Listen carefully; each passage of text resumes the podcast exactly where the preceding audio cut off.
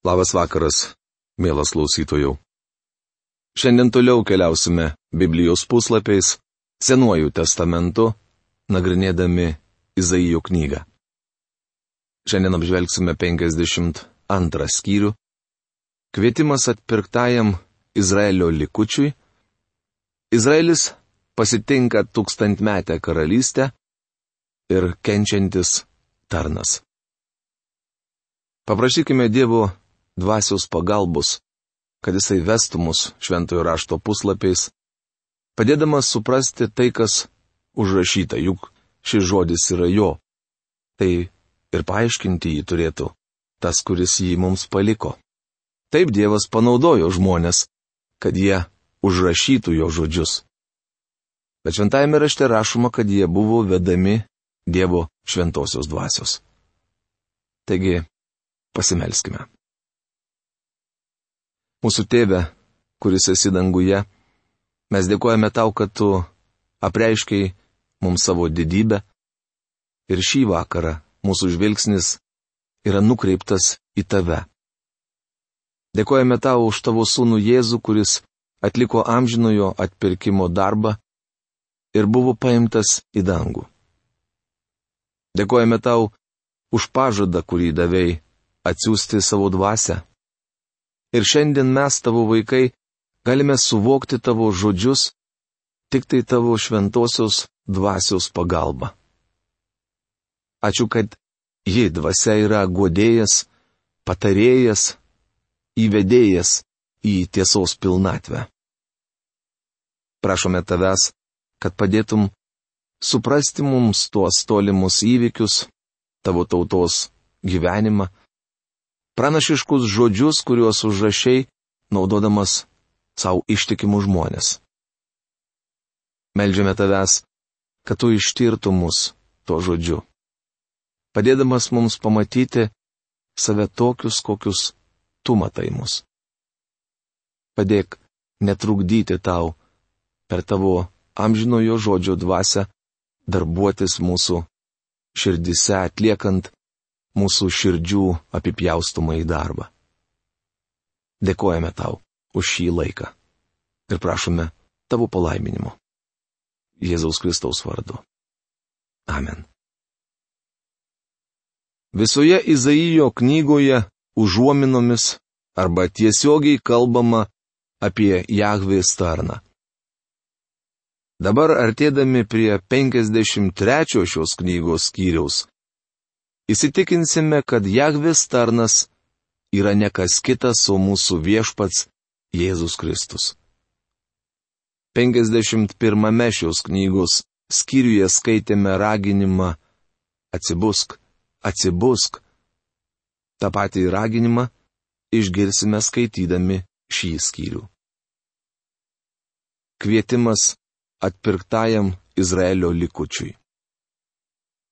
Atsibusk, Atsibusk, apsivilk savo stiprybę Sione. Vilkis savo šlovės drabužiais Jeruzalę šventasis mieste, nes neapipjaustytieji ir netirieji nebemindžios daugiau tavęs. Izaijo knygos 52 skyriaus pirmą eilutę. Jau minėjome, kad sakydamas Sione, Dievas turi omenyje Sioną geografinę vietą Izraelio krašte, aukščiausią Jeruzalės miesto tašką. Tai buvo mėgstamiausia karaliaus Dovido vieta.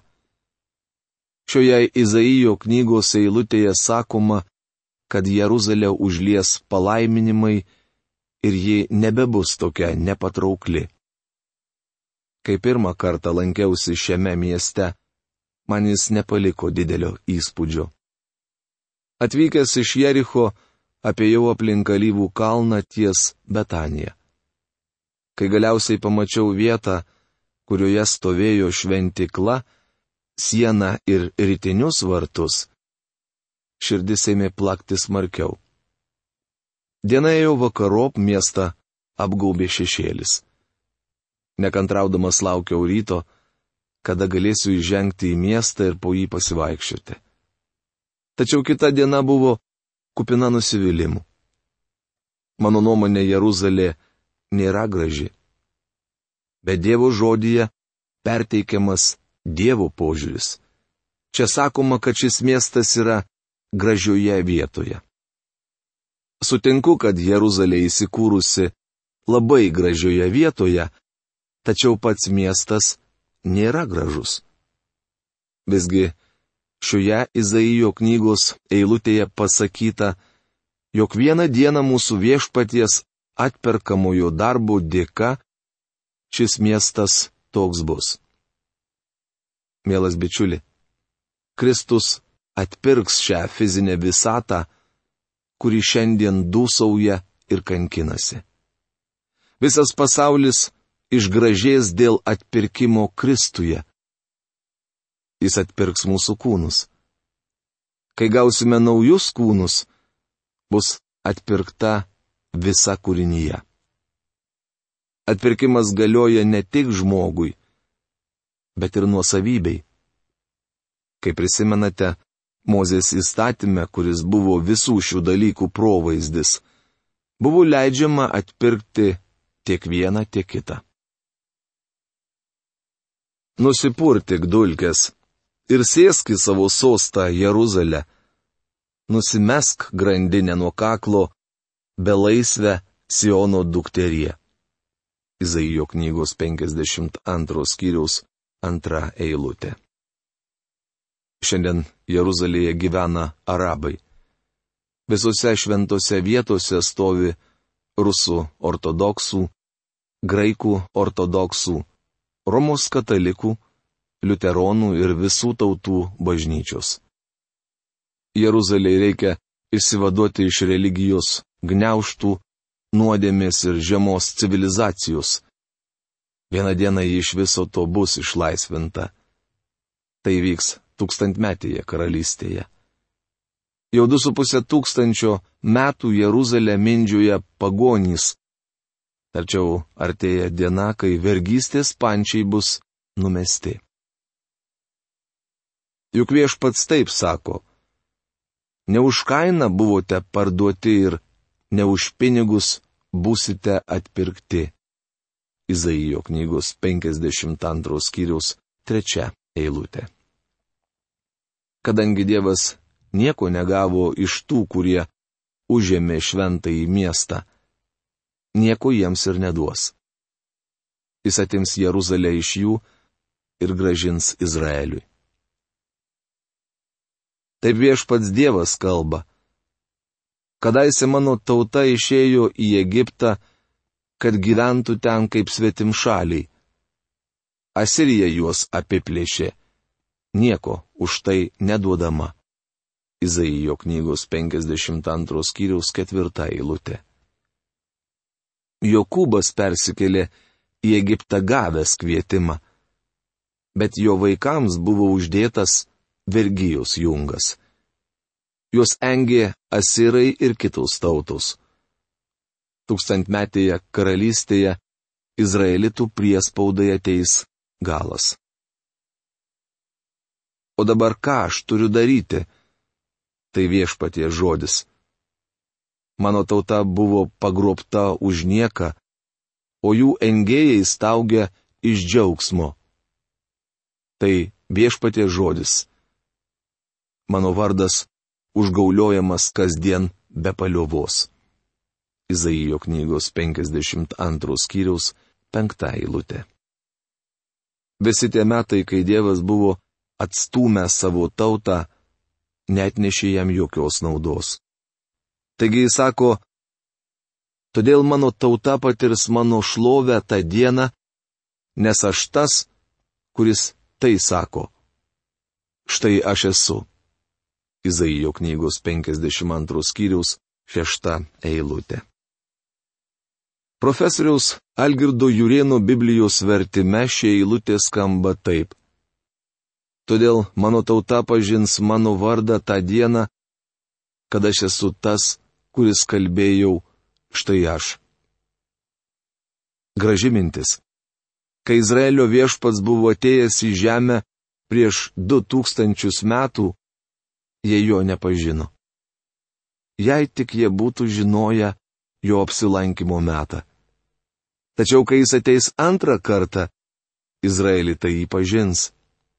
Tuomet viešpats Jėzus tars, štai aš esu, arba kaip verčia profesorius Algirdas Jurienas, štai aš. Pasaulis atstumia Kristų ir jo nepažįsta. Vieną dieną viešpats tars Kristaus nepriimančiam pasauliui, štai aš. Deja, tuomet Kristų atmetusioms minioms bus vėlų grėžtis į jį. Izraelis pasitinka tūkstantmetę karalystę.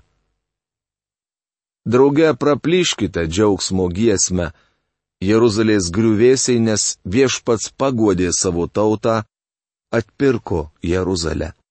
Izaijo knygos 52 skyriaus 9 eilutė.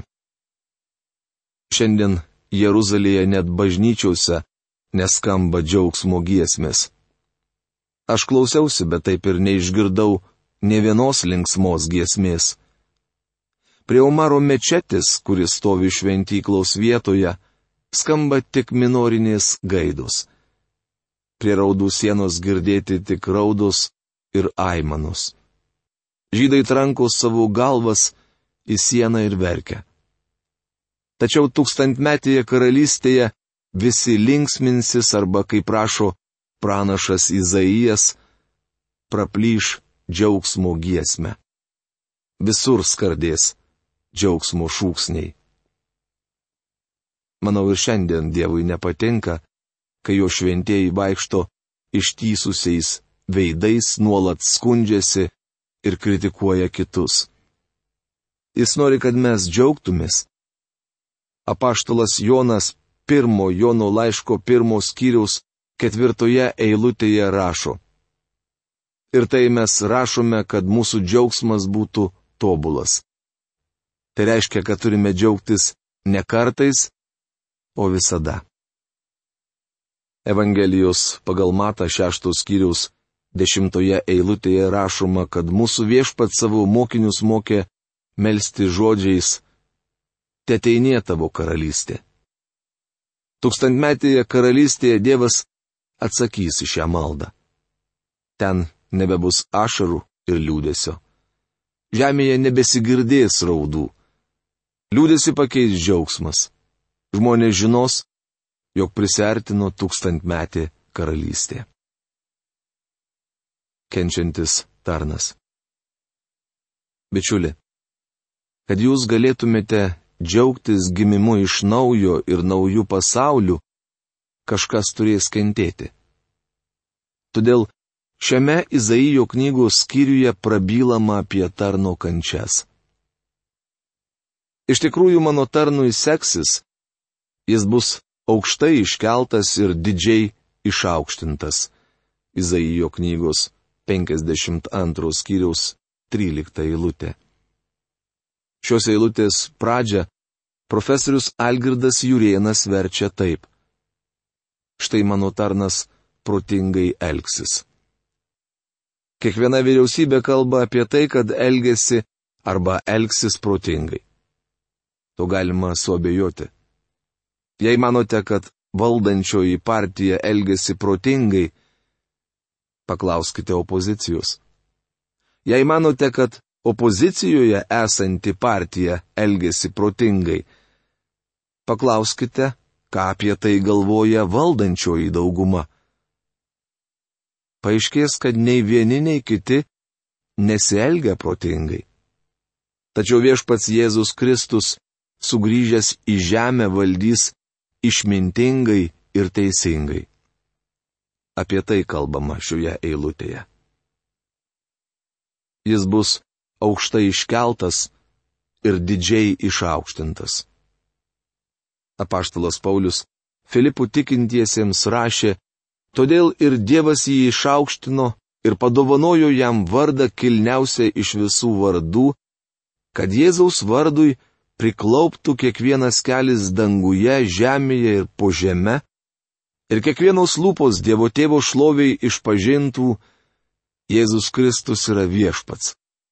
Tai prašoma Filipiečiams laiško antros kiriaus 9-11 eilutėse. Toliau skaitome apie kenčiantį tarną. Kaip daugelis jo baisėjusi, nes jis atrodė nežmoniškai sudarkytas ir buvo nebepanašus į žmogų. Izaijo knygos 52 skyriaus 14 eilutė. Čia prašomas Kristaus nukryžiavimas. Šis teiginys yra įžanga į 53 Izaijo knygos skyrių. Nori būti atsargus, nes Kristaus kančių ant kryžiaus akcentavimas ne visuomet yra tikrojo tikėjimo požymis. Kartais tai parodomas paprasčiausias nemandagumas ar storžieviškumas.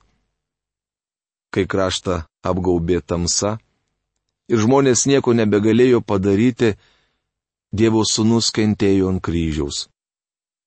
Tas tris juodas valandas kryžius buvo tapęs aukurų ir žmogaus sūnus Dievo avinėlis užmokėjo kainą už pasaulio nuodėmes. Kai po trijų tamsybės valandų kryžių nutvieskė šviesa, minė tikriausiai krūptelėjo. Jėzus net nebuvo panašus į žmogų. Žmonės išvydo krūviną virpantį kūną. Vaizdas buvo siaubingas. Šios knygos 53 skyriaus Antroje eilutėje sakoma, kad jis buvo nei patrauklus, nei gražus. Štai kodėl Dievas apgaubė kryžių tamsos kraiste. Jis nesiuošė patenkinti lyguisto žmonių smalsumu. Skaitytos eilutės dalis, jis atrodė nežmoniškai sudarkytas, man primena vieną atsitikimą. Kai tarnavau pastoriumi Nešvilyje, Tenesio valstijoje.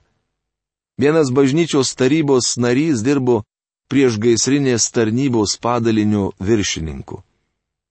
Jis visuomet pabrėždavo, kaip svarbu turėti vaistinėlę ir rengdavo pirmosios pagalbos kursus.